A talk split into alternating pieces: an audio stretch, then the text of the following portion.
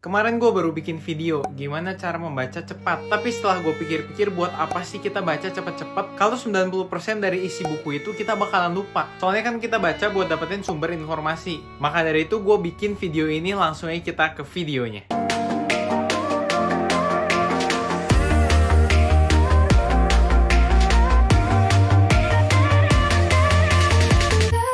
Halo Hero, salam kenal. Gue William, pendiri Unbelievable. Dan di channel ini gue bakal ngebahas semua hal tentang personal development yang pastinya bakalan kamu sukai. Jadi jangan lupa di subscribe dulu. Yap, hari ini gue mau ngebahas 7 step gimana sih cara kita bisa mengingat informasi dari buku-buku yang kita udah baca. Nggak cuman cepat dalam membaca buku di video sebelumnya, tapi kita juga ingat isi dari buku yang kita baca ini apa sih. Nah, kita mulai dari step nomor satu, namanya The Muggle. Step satu itu di mana orang-orang baca buku, tapi dia nggak ngapa-ngapain secara aktif. Dia cuman pasif doang. Dia ambil bukunya, dia baca, udah dia baca satu halaman, dua halaman. Dia ngapa-ngapain, dia nggak taking notes, dia nggak aktif belajar, dia nggak stabiloin, bener-bener baca doang. Dan hal ini bakal ngebuat fix kita 90% bakal lupa, kecuali kita bener-bener langsung kerjain apa yang kita baru baca dari buku itu. Kita implementasiin dalam kehidupan kita. Nomor dua, The Script. Nomor dua ini kita mulai aktif dalam membaca buku. Selain kita baca buku, kita mulai pakai stabilo, kita highlight kalimat-kalimat yang menurut kita bakal ngebantu kita dalam kehidupan dan kalimat-kalimat yang pengen kita ingat lagi. Nah, masalah dari nomor 2 ini, ketika kita udah beres nih baca bukunya, kita udah banyak highlight dari si bukunya, pasti kita bakal ngerasa males buat ngebuka lagi di halaman berapa highlight yang mana, dan pada akhirnya kita nggak buka lagi ya sama aja kita akhirnya bakal lupa. Maka dari itu kita masuk ke nomor 3. Kita pakai sebuah aplikasi apa pun itu, kalau yang gue tahu namanya Readwise, nggak di sponsor. Kita pakai si aplikasi ini buat mengingat apa aja kalimat-kalimat yang kita stabiloin, apa yang kita highlight. Misalnya total dalam satu buku ada 100 kalimat yang kita highlight. Nah, dia akan meng-email kita misalnya setiap minggu 5 kalimat yang kita highlight biar kita pas dapetin emailnya, kita baca-baca lagi apa yang kita highlight, kita stabiloin di buku itu. Terus otak kita berpikir lagi ke dalam buku itu, oh iya buku ini tentang ini. Berarti gue dalam hidup harus kayak gini gitu. Sudah itu kita masuk ke nomor 4, Ravenclaw. Masih tentang highlight, kalimat yang kita highlight. Bedanya ini kita simpan semuanya dalam satu tempat. Buku ini yang di highlight apa aja kita simpan dalam satu tempat. Udah mirip taking notes tapi lebih ke kalimat-kalimat yang kita highlight doang. Dan kita masuk ke nomor 5, Dumbledore's Army. Menurut gue sampai step ini, step-step yang kita bisa banget lakuin dengan sangat mudah. Nomor 5 gampang banget. Lu cuma butuh isi pertanyaan-pertanyaan yang gue tanyain, dan lu bakal bisa nge-review buku lu setidaknya mungkin 50%-nya ingat-ingat lagi ya. Pertama, isi buku itu dalam tiga kalimat. Impression kamu terhadap buku ini apa? Pertama, tahu buku ini dari titik-titik-titik. Siapa orang-orang yang harus baca buku ini? Bagaimana buku ini merubah cara pikir saya. Top 3 quote dari buku ini adalah titik-titik-titik. Nah, sudah kalian isi titik-titik itu, kalian tulis di notes, dan kalau misalnya kalian mau review lagi, buka notesnya, terus kalian baca-baca lagi. Semoga bisa keinget intinya dari buku itu apa. Nah, baru kita masuk ke level 6, Phoenix. Ini level yang cukup mulai susah. Bedanya sama level 5, dari level 1 sampai 5 kita semuanya kerjain, tapi tambah kita taking notes. Sambil kita baca, kita bikin notesnya dari buku ini apa sih? Ya seperti kita bikin ringkasan dari buku ini inti-intinya aja.